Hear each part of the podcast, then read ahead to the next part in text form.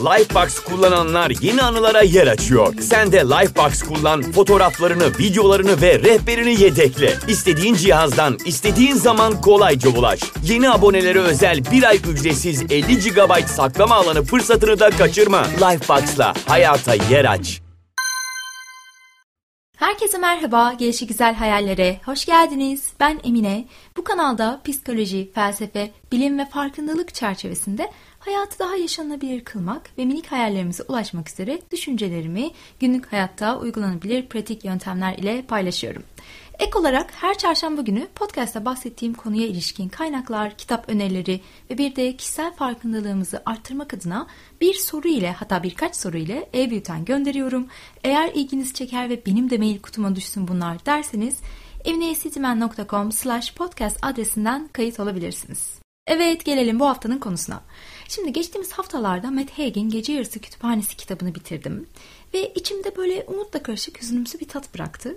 Sebebi de şu, Kitap potansiyelini doğru kullanamadığı için pişmanlıklar denizinde yüzen ve hayatından memnun olmayan yalnız bir kadının intihar teşebbüsü sonucu olası hayatlarını ziyaret ettiği bir hikayeyi konu alıyor. Çok fazla spoiler vermeyeyim ama kitabı okurken önemsiz gibi görünen şeylerin ya da duygusal olarak yaptığımız bazı seçimlerin hayatımızı nasıl etkilediğini anlıyorsunuz.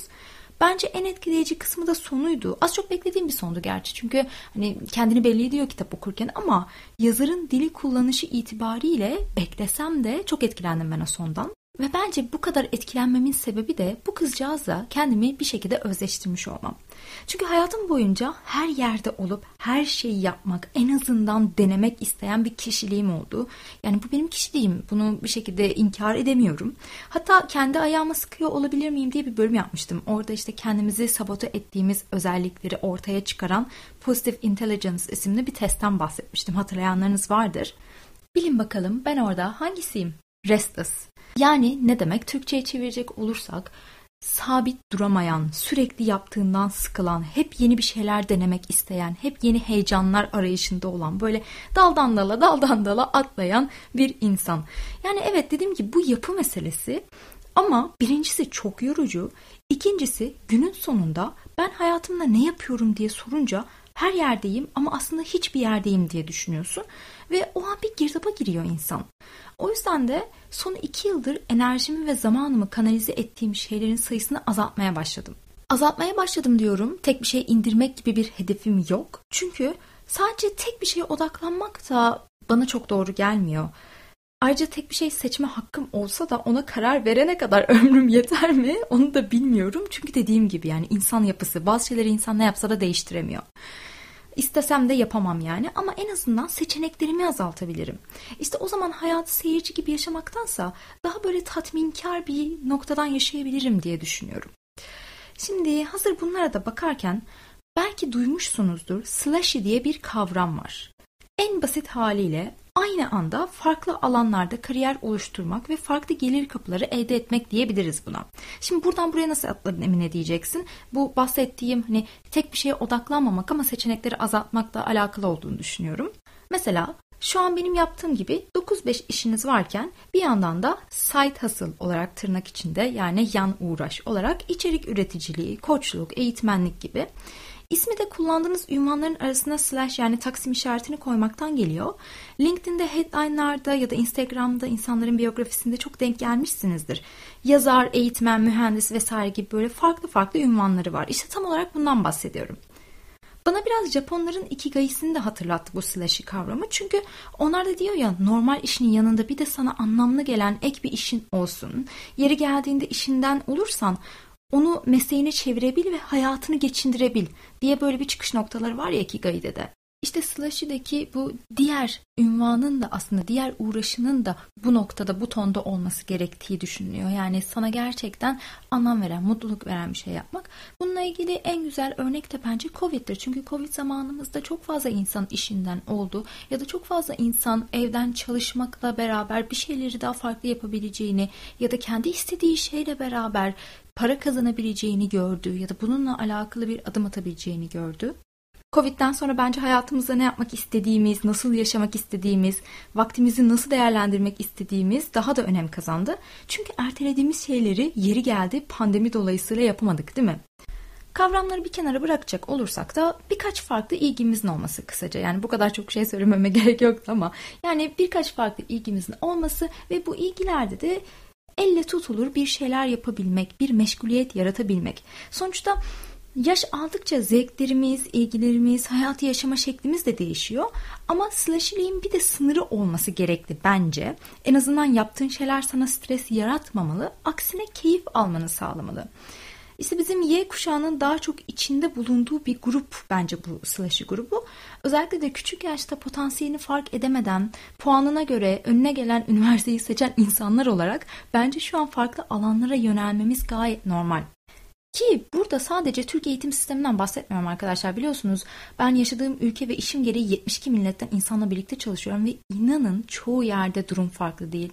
Yani bizimle aynı durumda olan o kadar çok farklı ülkelerden arkadaşım var ki. Tabii bir de mizaç meselesi. Yani herkes slashy olacak ya da herkes istemediği bir bölümü okudu da ondan sonra istediği şeye yönlenecek diye bir şey de yok. Yani bazı insanlar istemediği bir şey olsa bile onun içinde de bir noktada kendini motive edecek şeyler bulabiliyor. Anlam bulabiliyor demek istemiyorum. Bu biraz daha ağır tonda bir sözcük gibi geliyor bana ama bazı insanlar mesela kendilerini tatmin eden o tek bir şeyi bulmuş da olabilir. Yani öyle şanslı bir kesim var az da olsa.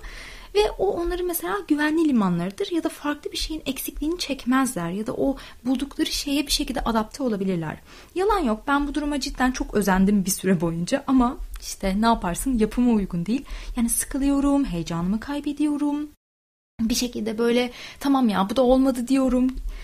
Ama kendime eziyet etmektense elimdekilerle ne yapabileceğime bakıp bir orta yolu bulmaya çalışıyorum artık. Çünkü dediğim gibi yorucu bir şey. Şimdi burada şöyle bir şey var. Ne istersem yapabilecek olmak her şeyi yapmak anlamına gelmiyor. O yüzden orta yolu bulmaya çalışırken de her çiçekten bal almak yerine ben bunu gerçekten istiyor muyum? Bu bana keyif veriyor mu? Bu beni mutlu ediyor mu diye sorarak içinde bulunduğum şartlara ve kendime en uygun seçimi yapma amacındayım. Hala da yoldayım. Herkes gibi hani yaptım, buldum demiyorum ve dediğim gibi yaş aldıkça ilgi alanlarımız da değişiyor, yapmak istediklerimiz de değişiyor. Yani şu birkaç sene içerisinde bunlardır. Belki bundan birkaç sene sonra farklı bir şey olabilir. Ama ne olursa olsun önemli olan nokta şu ki ben bu soruları kendime sormalıyım. Böylece potansiyelimi doğru kullanabilirim. Böylece potansiyelimi boşa harcamamış olabilirim. Hatırlarsınız Maslow'un hiyerarşisinde en tepede ne var? Kendini gerçekleştirmek. Bu çok insani bir ihtiyaç. Ve insan gerçekten de potansiyelini kullanamadığında yani kendini gerçekleştiremediğinde bir eksik hissediyor. Tamamlanmış hissetmiyor. O yüzden de işte kendimize uygun şekilde bunu nasıl yapabiliriz? Bunun çözümlerini bulmak, bunun yöntemini bulmak bence çok kıymetli. Eğer siz de slashy'seniz ya da birden fazla böyle farklı ilgileriniz varsa ve potansiyelinizi çok doğru kullanamadığınızı düşünüyorsanız bence önemli olan iki tane şey var burada. Farklı alanlarda çalıştığınız zaman hepsinde çok çok iyi olma baskısı kurmamak kendi üzerinizde. Ya da diyelim ki bir ek işiniz var ya da iki tane, üç tane ek işiniz var. Bir ek işiniz bir de sizin asıl gelir kapınız olan bir işiniz var. İşte bu durumda hepsinde harikalar yaratmayı beklememek çok önemli. Bu hobi de olabilir bu arada. İlla para kazanıyor olmanıza gerek yok. Ama Arada bir neden yola çıktığınızı hatırlamak, hedef koyduysanız onları gözden geçirmek ve tabii en önemlisi de kendinizi başkalarıyla kıyaslarken sağlıklı bir kıyaslama yapmak çok önemli.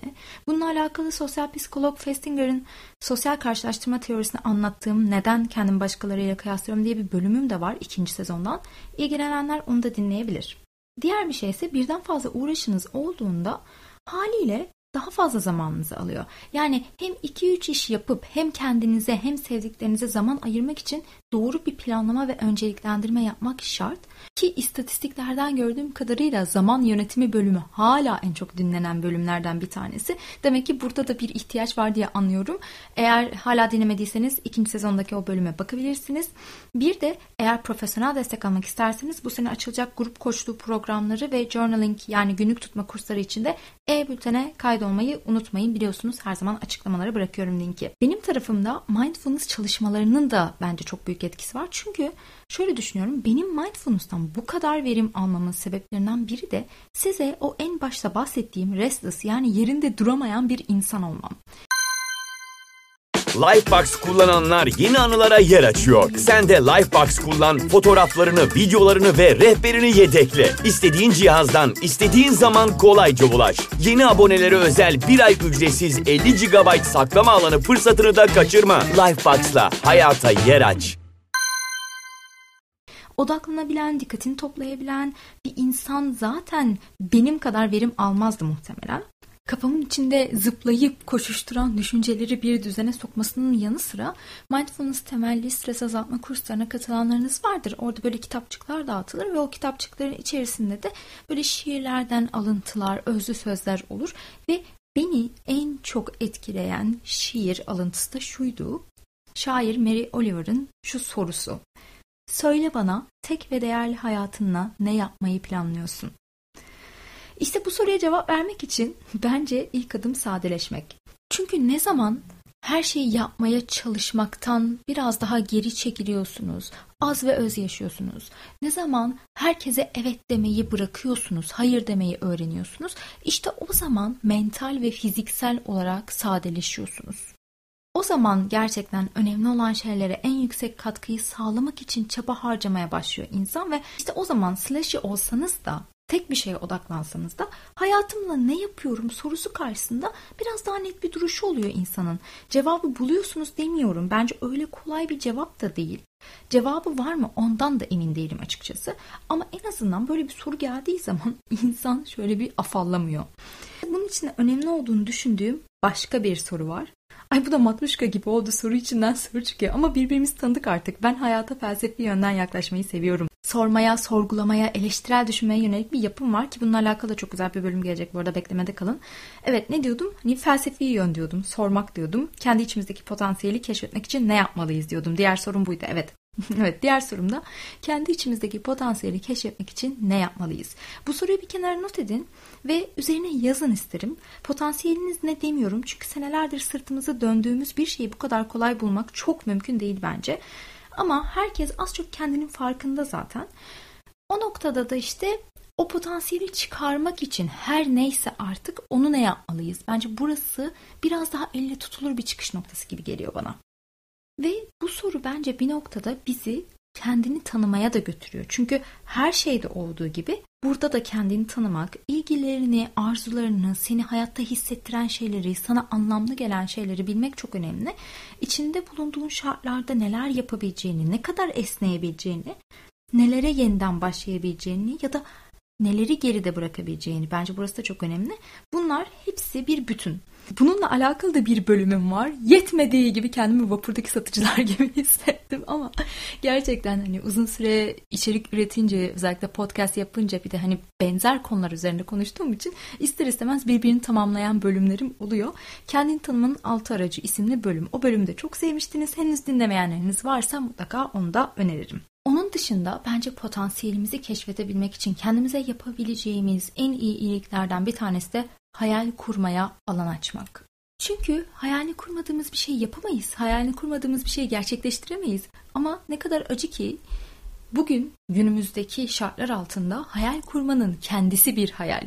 Yani o kadar çok düşünecek şey var, yapılacak şey var, uğraşacak şey var, ödenmesi gereken faturalar, dünya nereye gidiyor, ekonomi politika derken gerçekten kendimizi böyle kısıtlıyoruz, kapatıyoruz.